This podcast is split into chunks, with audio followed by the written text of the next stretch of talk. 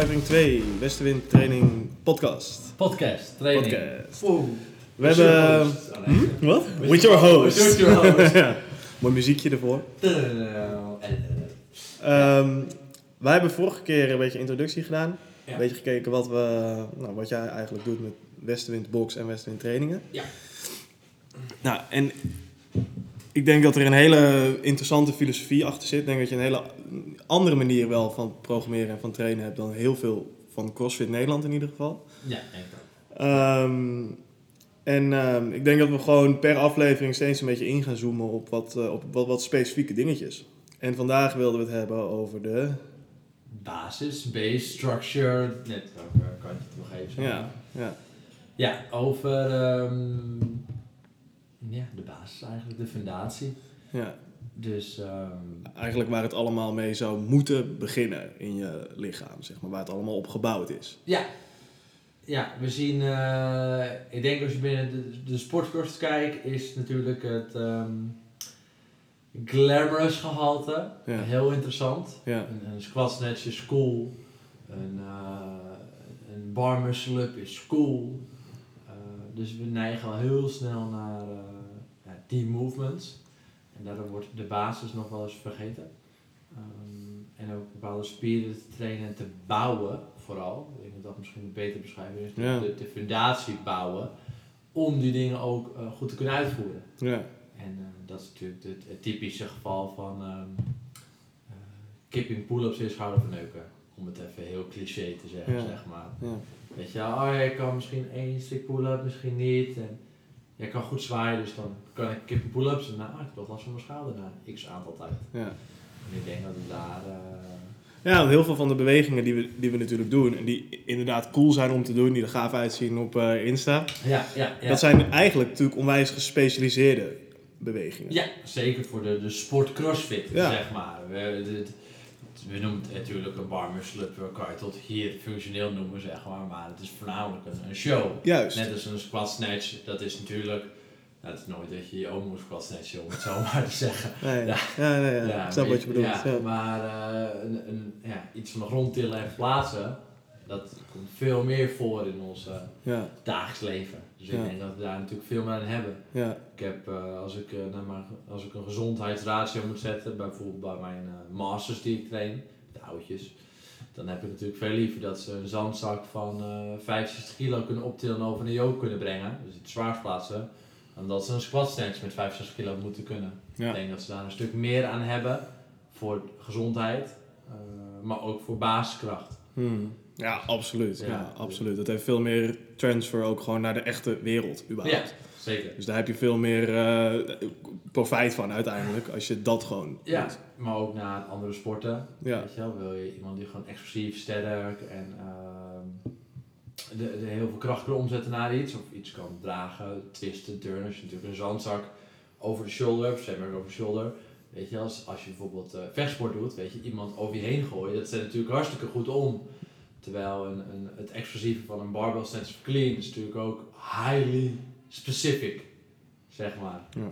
Dus dat is Ja. natuurlijk ook een al carry-over. En je lichaam moet, als je die gespecialiseerde bewegingen wil doen, wel ook een soort van de basis, nou ja, de structuur. Hè? Want dat is, dat is eigenlijk hoe je het noemt, de structuur. Die Ja. moet er wel zijn als je uiteindelijk wel naar die eh, gespecialiseerde Ja, ja gaat. wat, we, wat we nu natuurlijk heel veel zien is dat, we, dat er heel veel op het specialisme wordt gewerkt, maar wordt vergeten die, die basisfundatie aan de spieren eh, getraind te hebben daarvoor, zeg maar. Dus de mensen willen meteen erin springen en doen niks om dat of eh, samen op te bouwen, als je heel beginner bent, of eh, dat terug herop te bouwen voor je kan verder bouwen.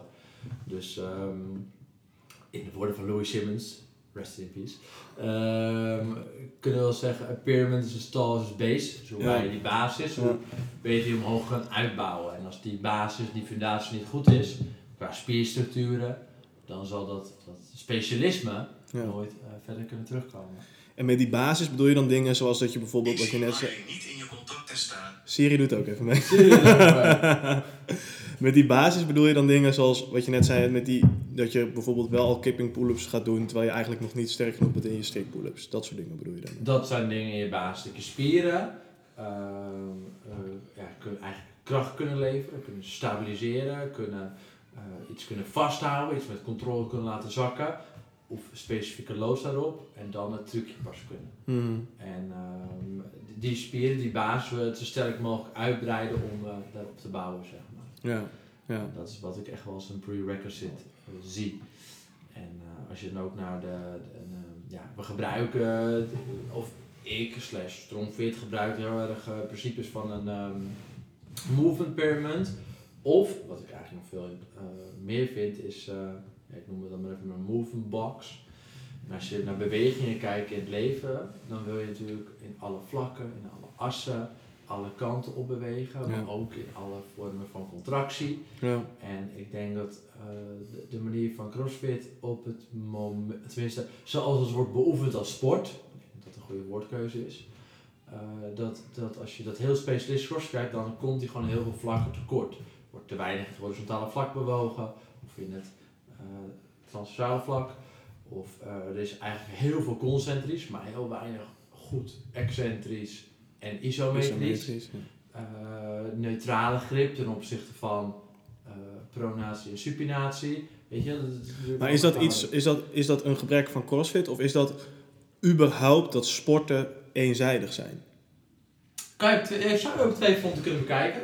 Ja. Ehm, de sport CrossFit is natuurlijk bedoeld om uh, all-around fitness te kweken. Ja, dus dat is dan weer de andere kant. ja. Eh, dus de, de manier hoe CrossFit wordt gegeven eh, vanuit de sportkant. CrossFit, je hebt natuurlijk CrossFit for Health en CrossFit for Ja, Sport. de methodologie en de sport. Ja, alleen de methodologie z- wordt ook wel heel veel gespiegeld aan de sport. Eens. Ja. Ja. Om, omdat we vanuit een aantal, weet je, je doet je ollie lifts, je doet je, je squats, je doet je ehm, pull-ups. eh, dus dat is wel heel de sport gekoppeld. En heel veel eigenaren blijven natuurlijk heel erg daarin eh, hangen. Ja. Terwijl de methodologie natuurlijk gewoon, eh, ja, eigenlijk is dat we juist heel veel verschillende elementen moeten aanraken. En heel veel is. ja. High intensity, Functional movement. Movements. En dat is natuurlijk, in- functioneel is natuurlijk een op zichzelf staande term. En Ja. Heeft het wel iets gespecificeerd, maar functioneel is natuurlijk, ja, wat je doel is, maakt het functioneel.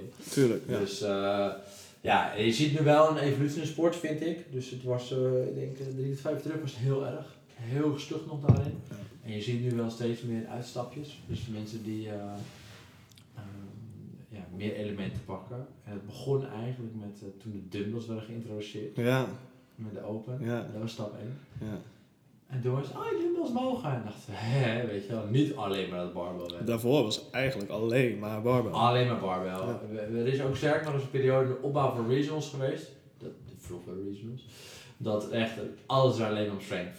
Ja. En zwaar tillen. Ja. En toen op een gegeven moment klapte het helemaal in naar de gymnastics. En toen hadden we één keer een dumbbell regional. Nou, dat we allemaal... eh, Ja, want, want daarvoor, ik weet nog dat waar ik toen trainde, had niet eens dumbbells. Voor die open, dat we ze nodig hadden. ja, nou Er waren geen dumbbells, gewoon. Die moesten je- toen aangeschaft worden nog. Dat kan je nu niet meer voorstellen, Nee, een box zonder dumbbells. Absoluut niet. En eh, dat het natuurlijk zo'n eh, veelzijdig instrument is. Eigenlijk meer een barbell, vind Ja. ik zelf. Ja. Is dat je een dumbbell moeilijker kan loaden. Maar Ja, natuurlijk. Ja. tot aan. Ja. ja, en als we het echt hebben over functioneel, dan kan je een dumbbell eigenlijk niet eh, missen. Nee, nee, 100% niet. Ja. Kettlebells dumbbells echt fantastisch. Ja. En worden zeker onder eh, gebruikt. Maar ook dingen als, eh ja, wij hebben film De Slee. Dat is natuurlijk Ja. fantastisch om in het horizontale vlak te bewegen. Ja, van voor naar achter. Maar ook het, ehm, als je sleet duwt, doe je natuurlijk unilateraal meteen trainen. Ehm, weet je wel, dus dat scheelt natuurlijk ook alweer. Dus op zoveel fronten. Je hebt heel core to extremity, want als je de armen gestrekt houdt, moet je core zeg maar, op spanning blijft je iets wegduwt. ja. Dus er zitten natuurlijk fantastisch veel elementen in. ja zeker weten. Hey, maar jij noemde net even voorbeeld van pull-ups, hè? kipping pull-ups, strict pull-ups. Ja. Bij wat voor bewegingen of op wat voor manieren zie je dat nog meer bij jouw atleten? Of in de box of waar dan ook? Dus wa- waar komt dat nog meer terug? Een, een, eh, voor, je, voor je pull-up heb je dan natuurlijk de, de, de, de capaciteit nodig om jezelf eigenlijk strikt, je lichaamsgewicht gewoon strikt op te kunnen eh tillen. Ja, maar zelfs daar is best wel een discussiepunt. Kijk, het lichaam is heel slim. Dus het lichaam denkt niet hoe kom ik er, maar die Ja. denkt alleen maar ik moet van A naar B, punt. Mm. En het zal niet per se de meest veilige manier kiezen. Misschien niet van het meeste weerstand of waar de meeste ja, kracht op dat moment zit. Precies. Dus wat je een heel klassieke vorm is, is bij de eerste pull-ups zie je dat iedereen altijd alles uit de nek doet. Trapesius. Komen de schouders je omhoog. surft op, trekt heel naar naartoe, heel veel kracht de bicep. Maar wat je daar natuurlijk doet, is dat je de, de rugspier natuurlijk uh, in de led een beetje ontziet. En als je dat uh, patroon zou herhalen constant en nooit die led zou bouwen, en dan krijg je op een gegeven moment een heel groot ontwikkelde trapeziusspier. Tot het punt dat het ja, een beetje overontwikkeld is ten opzichte van de andere spieren in je lijf. En uh, uit mijn ervaring zien we dan heel veel klachten opkomen. Ja. Dus mensen die onwijs grote ontwikkelde trapezius hebben en geen upper back en lats, Ja. uh, geen teres major, dan zien we eigenlijk altijd wel schouderklachten aan de voorkant.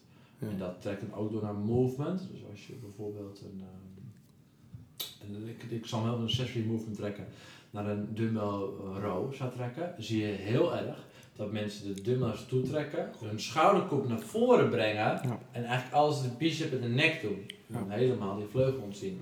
Dus is daardoor een beetje een combi van movement, maar ook de juiste structuren daarvoor hebben. En dat dus wel of niet goed trainen. En ik denk dat daar wel een, uh, een grote gemiste kans is. Ja. Ja, en ik dat, denk dat dat eigenlijk de kern is van, in zekere zin de kern van wat jij doet. Ja. Want we hadden het in de vorige podcast hadden we het over hoe eh, wij, Lau, Merlijn en ik, hier binnen zijn gekomen, zeg maar. En dat er toen veel blessures waren. Ja. En dat is wat je toen ook bij ons aan bent gaan pakken. Ja, en toen bij jullie is natuurlijk een, een- jullie waren dat een klassiek schoolvoorbeeld over wat ik deed. Jullie kwamen binnen. Ik zag een aantal disbalansen of dingen die uit proportie waren naar mijn mening. Ja. Eh, los van de movement ook op spierniveau. En, eh, Dus dat, maar dat is misschien wel goed om uit te leggen, want je kijkt dan gewoon letterlijk naar iemands rug, bijvoorbeeld. Dat bedoel je met spierniveau, toch? ja, en ja, dat je dan, ja, dat je dan ziet dat bepaalde spieren gewoon overontwikkeld zijn. ja, dus aan eh, de hand van, ja, ik zal maar ervaring zeggen. Het is niet dat ik een gouden ratio heb, maar uit de hand van ervaring eh, kijk je naar een lijf en de spierontwikkeling. En als ik denk dat dingen proportioneel uit verhouding zitten en het gekoppeld is aan een klacht, dan kan ik het stimuleren, de spieren die wat eh, ondergebruikt worden, te Ja. stimuleren om die klacht minder of weg te laten gaan. Ja. Dat gecombineerd met goede bewegingspatronen, dan uh, ja, zorg dat de blessure praktisch weggaat of uh, dat je veel sterker wordt. Ja. En dat heb ik bij jullie heel erg gedaan. Dus het klassieke schoolvoorbeeld was Lau, was dat hij niet um, kon hingen door een, een ja, eigenlijk een, te, niet een tekorte hamstring passief, maar ook juist actief. Dus hij kon geen spanning in de hamstring en kanseling in de heup vinden. Dat hadden twee elementen, dus hij had uh, relatief weinig hamstring opbouw. En daardoor deed alles uit zijn rector. En hij kon weinig, niet goed spanning vinden in de obliques. Ja. Dus toen we zijn oblique sterker maakten en de hemis sterker in de hele lengte, kon hij zijn rug rechter uiteindelijk houden. Waardoor er dus minder stress op de rector kwam en hij juist de hele posterior chain optimaal gebruikte. Ja. En dat was het allemaal lauwe voorbeeld. En zo hadden jullie allemaal je, je dingetjes, zeg maar. Ja, zeker. Dat zijn we eigenlijk gaan tegengaan. Dat ik heb gezegd, hé, hey, dat is zwak punt. Daar moeten we op letten. Zo moeten we tegengaan. En dat uh, in de training blend ik heel veel van de elementen die bij CrossFit eigenlijk uh, worden weggelaten, genegeerd. Het klassieke competitie CrossFit. En dat vul ik eigenlijk aan. Ja. Om jou nog een sterkere basis te geven, zodat je nog meer kan doorgroeien en dus ook minder blessures krijgt. Ja, precies. Dus, maar, eh, dus er zijn eigenlijk twee dingen. Want je, ik denk dat jij op een bepaalde manier programmeert om ook bij mensen die nog niet in disbalans zijn, of ieder, iedereen heeft natuurlijk tot bepaalde mate wel een disbalans, Zeker. maar om, dat, om te zorgen dat die disbalans in ieder geval niet groter wordt. Dat Ja. denk ik ten eerste. Ja. Ehm, maar ik denk ook dat jij mensen die binnenkomt en bij, bij wie jij ziet dat er een disbalans is, dan ga je dus kijken welke spieren naar jouw mening onderontwikkeld zijn of overontwikkeld. Ja. En hoe tackle je dat dan? Hoe ga je dat dan aanpakken? Dat is onwijs uh, situatie natuurlijk afhankelijk. Maar je moet je voorstellen, kijk, als ik een één op één sessie met iemand draai, dan is het gewoon, hé, hey, oké, wat is je verleden? Waar sta je nu? Wat zijn je doelen? En dat is dat echt een assessment, zoals dat heet. En dan ga ik diegene helemaal doorscannen en dan, uh, dan geef ik daarvoor oefeningen die die moet doen of leer ik hem bewegen zoals het hoort om dat weg te werken. Uh, maar dat kan ook heel kort zijn, een kleine tip die je alleen uh, moet gaan toevoegen in je programmering om dat weg te werken of iets op bewegingsniveau. dus dat is natuurlijk onwijs situationeel. Ja. Dus, eh, wat ik altijd probeer is mensen die programmering volgen en die komen trainen, die stuur ik ook movement natuurlijk gewoon bij in de trainingen. En als ik dingen zie waar ze tekort komen, dan eh, zou ik daar meer aandacht aan kunnen besteden. Dus eh, laten we de front squat van jou nemen. Ja. En dat jij zegt, nou Steve, ik heb toch als doel genomen, ik wil meer liften. Ja. Nu moet mijn front squat dus hoger. Dat is lekker handig met Olympisch gewicht even. Eh, en we zien dat jouw frontrek niet heel eh, optimaal is. Zo noemen. Gewoon slecht. gewoon, gewoon shitty. Ja. Ja. En eh, dat we daar dus meer tijd in moeten steken, bijvoorbeeld pauze front squats. Of dat we juist meer eh frontrek sandbag carries moeten doen. Om de pecs en obliques te bouwen, zodat je hem kan behouden. Ja. Dat is ook een manier. eh, als assistant work. En dat zou ik dan kunnen geven aan je. En dat ga je dan één, twee keer in de week doen, afhankelijk van Ja. wat we denken dat nodig is. Ja. En dan eh, word je uiteindelijk sterker, beter. Dan eh, heb je minder shitty frontrek. Ja, ja, dat zou wel lekker zijn. ja.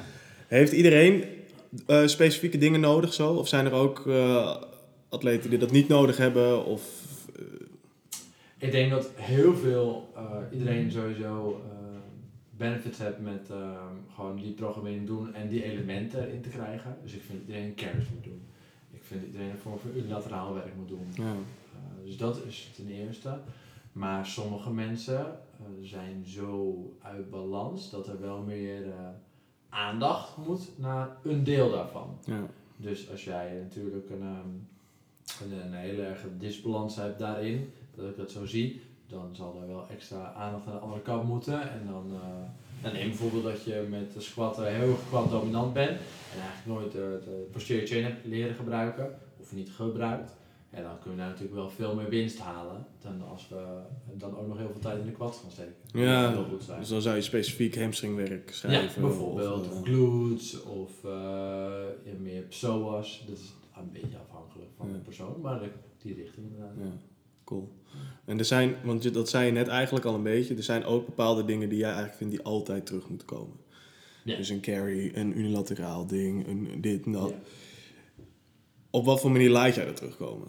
Hier en in de, of hier is dus bij Westenwind. eh, Ja, en- bij Westerwind, ja, crosspercent. Ja, de box. Nee, ehm, als ik in de programmering kijk, dan eh, laat ik sowieso veel carries terugkomen, omdat je doet die anders standaard toch niet in je les. Nee. Tenminste, Maar leg eens uit wat een carry precies doet dan. Want ik denk dat dat... Een carry is... Dat is een carry ziet er heel simpel uit, hè? Want je Ja. pakt iets op en je loopt ermee. ja, En ik denk dat heel veel... Dat, ik denk dat het heel belangrijk is om te beseffen... Wat, je nou, wat gebeurt er dan precies met de carry? Waarom is een carry zo nuttig? Dus de, de, de, de, de carries die we meestal gebruiken, jongens, voor je het niet helemaal snapt, dat is bijvoorbeeld de semi carry, dus dat je een zandzak oppakt, knuffelt en ermee loopt. Of een farmer carry, die wat bekender zal zijn bij de meesten. Een yoke carry. ehm, en je hebt ook een overhead yoke carry of een overhead kettlebell carry, dat zijn carries. En wat er meestal eh, plaatsvindt zijn een paar elementen. Eén, je hebt isometrisch of statische krachtopbouw, omdat je iets moet vasthouden. En nou, neem de semi-carry als voorbeeld, dan moeten natuurlijk je erectoren, je obliques, eh, moeten allemaal, je upper back moeten onwijs aan het werk om te zorgen dat je niet voorover valt. Ja. Zandzak. Je biceps, want je moet de zandzak natuurlijk bij elkaar houden. Dus alleen al op dat front gebeurt er al heel veel. Dus het is allemaal statische kracht. Allemaal statische kracht opbouwen. Daarnaast heb je nog eens dat je loopt. Dus is er unilateraal, ben je natuurlijk ook aan het trainen. Want je moet je lichaam verplaatsen door ruimte. Ook weer vaak horizontaal. Waar natuurlijk heel veel verticaal wordt gewerkt binnen CrossFit. Ja. Ehm, dus dat zet natuurlijk enorm over naar je basiskracht. Als jij eh, nu een eh 200 kilo zandzak kan oppakken en hem lopen, geloof me, you one strong motherfucker, kan ik je vertellen. Absoluut. Ja, Absoluut. en eh, daar hebben we een aantal dingen voor die we dan ook eh, ja, proberen mensen te leren. Als jij natuurlijk heel moeilijk een eh, eh, 50 kilo zandzak kan oppakken en ermee lopen ja, als man, dan hebben we natuurlijk echt een probleem, zeg maar. Het hoort heel hoog te zijn. En dat geldt voor vrouwen natuurlijk net zo. Hoe Ja. hoger dat is, hoe sterker die basis daarin. Ja. En eh, dat, dat, de sandbag gebruiken wij heel veel in de lessen, maar ook in de programmering. Ja. Ehm, maar dat heb je net ook met farm carries, et cetera. Want ook daar vinden we heel veel plaats. De farm carry is natuurlijk fantastisch, want je moet stabiliseren in je core als je loopt. Anders ga je dingen heen en weer. Je gripkracht je onwijs, je onderarm aan het trainen. Ja. Eh, je biceps, het, alles wordt aan de bak gezet. Dus Ja. het is natuurlijk fantastisch. Ja. Dus ehm, wij programmeren dat veel in de box. Eh, nou, in ieder geval één, twee keer in de week een heavy carry te programmeren of een medium heavy carry in de box. En daarnaast veel light carries in de warming In de warming-up, hè? Want Ja. dat was ook iets nieuws toen ik hier kwam inderdaad. En dat hebben we sindsdien bij Mobilis ook geïmplementeerd. Doen we ook eh, elke dag nu. Ehm, gewoon in de warming-up eventjes twee, drie minuutjes met zandzakje lopen. Ja, wat, wat wij hier veel doen en wat een eh, klassieke warming-up is en waar we enigszins variëren, is dat we, ehm, eh, we pakken 4 minuten voor op de cardio en 4 minuten carry. Ja, Dus bijvoorbeeld, zeg ik, we hebben een groep van 12 mensen, 6 mensen gaan 4 minuten roeien, skiën, fietsen, hardlopen, wat ze willen. ja, En de anderen pakken een zandzak, die knuffelen die zandzak en lopen de zaal heen en weer. En vaak zeg ik door 5 squats. ja. En eh, die mogen de zak niet loslaten tot 4 minuten. Nou, de meeste, als je het voor eerst doet, dan gaat je rug in de fik. Ja, ben je na Al- een minuutje klaar. Ben je nu is het helemaal dood. Eh, maar over tijd wordt het natuurlijk beter en dan bouw je heel veel statische kracht ook daarin op. En Ja. dat kan enorm overzetten. En wat we daar bijvoorbeeld, eh, zeker in de beginperiode, ik denk het eerste jaar dat we dat heel veel sandbag carries en eh, we deden ook dan veel kettlebell carries into deadlifts, stiff leg it. Eh, dat hebben we in de beginperiode heel veel gedaan voor een jaar. En echt de deadlifts schoot omhoog gemiddeld van de box. Niet normaal. Ja. En vooral bij de vrouwen. Ja, Dat was echt, dat, dat, dat is bizar. ja want je had toen iets van 10 dames boven 130 of zo, wat was het? 140 of zo. Ik denk op een gegeven moment hadden we, hadden we 10 dames boven 140 deadlift. Dus Ja, dat dat was, dus- en het zijn niet allemaal competitieatleten. Dat waren gewoon eh, de, ook meisjes van eh, onder weet ik veel, 58 kilo die, die een beetje hardlopen en triathlon naast deden. Die Ja, dat konden ineens. Ja. En de- ineens een andere moeder. En ja, dat was, liep super uiteen. Dat was En- niet alleen. Maar ik denk, ik denk dat dat eigenlijk het, het misschien wel het belangrijkste punt hiervan is, van dat structuurverhaal. Van, hè, eh, mensen willen natuurlijk zwaardere deadlift en je wil een zwaardere clean. Ja. Maar dat is waar wij het net eigenlijk ook al een beetje over hebben gehad, toen we het over die ollie hadden. Van, eh, waar haal je nou het meeste waar voor je geld, Ja. zeg maar. Weet je wel? Is dat door, of even, om even naar muscle-up te kijken, want heel veel mensen willen muscle-up kunnen. Ja, Is dat nou, ga jij nou het, meeste, het snelste muscle-up bereiken door de hele tijd maar muscle-ups te gaan oefenen en met bandjes en dit en dat om de techniek te leren? ja. Of haal jij veel meer waar voor je geld als je misschien wel gewoon met kettlebells overhead gaat lopen of met de ket- kettlebell farming carry en je strict pull-ups en je strict dips gaat doen? Ja, dat is inderdaad. Ik denk dat dat een onderschat kindje is. Dat de weakest link in de chain sterker maken Ja. kan veel meer bijdrage hebben. En dat kan op structure niveau, zoals we met de carry net voor de deadlift zeggen. Maar dat kan natuurlijk ook heel specialistisch. Dus ehm, mooi voorbeeld. eh, ik heb hier een heel aantal dames. Dames strikt als push-up altijd een beetje een dingetje. Super zwaar op de body. En ik weet nog dat we een periode veel meer tricep werk hebben gedaan. En veel meer bench press met dumbbells. En die strikhandse push-ups, die schoot omhoog bij de meiden. Dat ik echt dacht, nou, we zijn helemaal niet erop gefocust op gymnastics, maar de gymnastics waren zoveel verbeterd. Ja, Gewoon omdat die upper body pressing capaciteit zoveel beter was. ja, Dat was echt bizar. Toen dacht ik, oh, oké, ja, shit's going down. ja. Dus dat is natuurlijk fantastisch. En als je die weak links sterker maakt, kan je natuurlijk veel meer uithalen. ja, ja. Dus dat Gewoon al de capaciteit om de juiste spieren te gebruiken bij een press en de connectie te vinden. Ja, de connectie uit de spieren, dat zou meer op structure niveau zijn. En eh, je kan natuurlijk ook, eh, soms mis je gewoon net één ding in de link die je anders niet traint, Ja. die sterker moet worden. Zoals de tricep met de handstand push-up voor de lockout bijvoorbeeld. Ja. Maar dat kan ook zijn dat, ehm, nou, de- ik heb ook dat dames over het algemeen de rugspieren om de leds missen.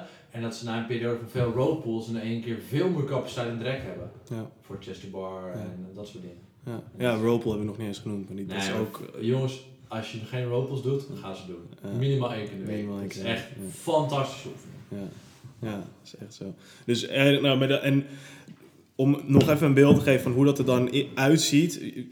Veel carries in de week. In de warming-up eigenlijk altijd wel een carry. Ja, Eh, bijna wel altijd. In de, de les doen we bijna altijd een warming-up. eh, in de warming-up een carry.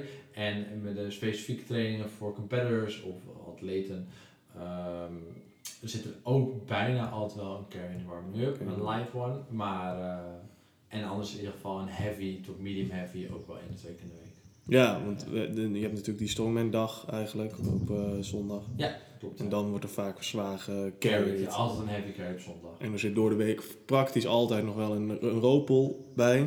Ja, vaak een row pull of een eh, medium heavy carry of sandbag squat werk of iets in die trant. Ja. Dus dat zijn eigenlijk dan een beetje de, de dingen die je gebruikt om die structuur bij iedereen op peil te houden. Zeg Ja, maar. op peil te houden of te verhogen. Soms is een eh, minimale stimulus al, al echt genoeg om iemand Ja. heel veel te laten Ja, groeien. helemaal als iemand het niet gewend is. natuurlijk. Ja, dus- Hey, en verandert dit eh, naarmate het seizoen vordert, hoeveel je dit doet?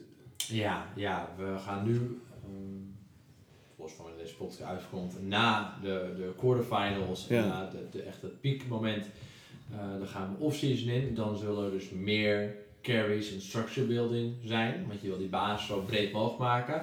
En dan het uh, takelt, of dan wordt dat minder gedurende de, de specialisme fase van de sport.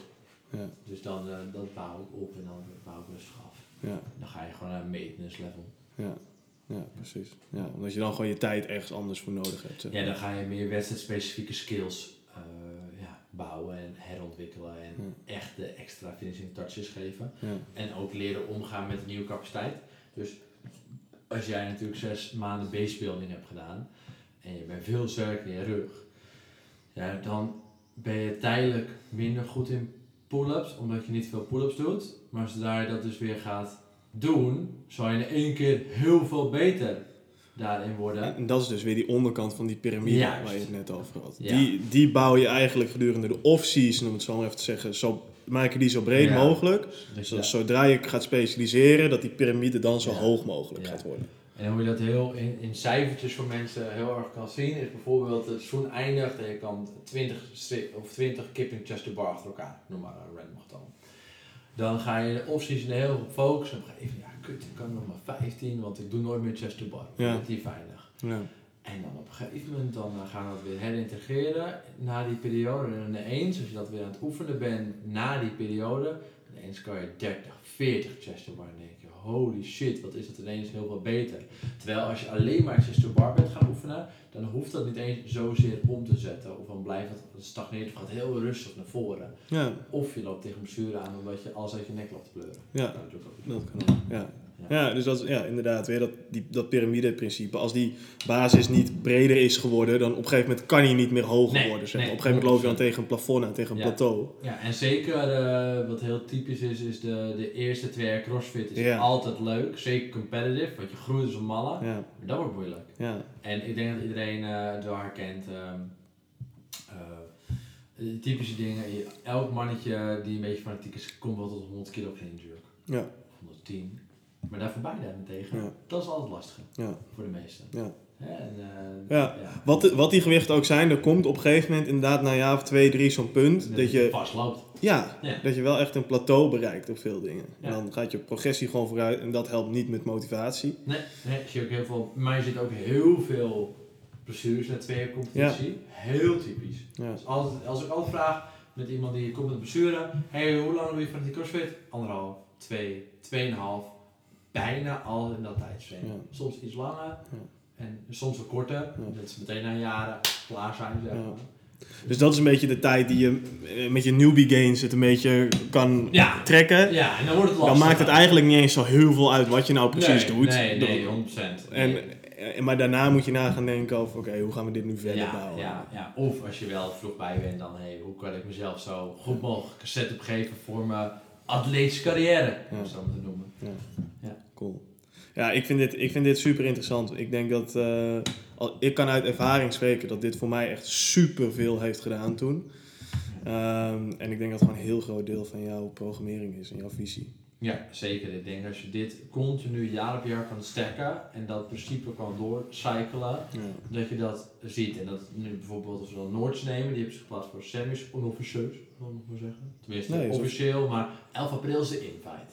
Oh, ze heeft de invite nog niet. Maar de leaderboard is wel officieel. Ja, zeggen ze wel. Maar in ieder geval, eh dit is pas voor semis en ook dit jaar eh, de, nou, een hele piek. Maar dan zie je ook weer jaar op jaar dat er gebouwd wordt. Dus inderdaad ineens, eh, volgens mij ik veel, 65 kilo bench ineens. En, Ja, alle drie de lifts je. ja, weet je, een nieuwe PR clean, een nieuwe PR overhead squat.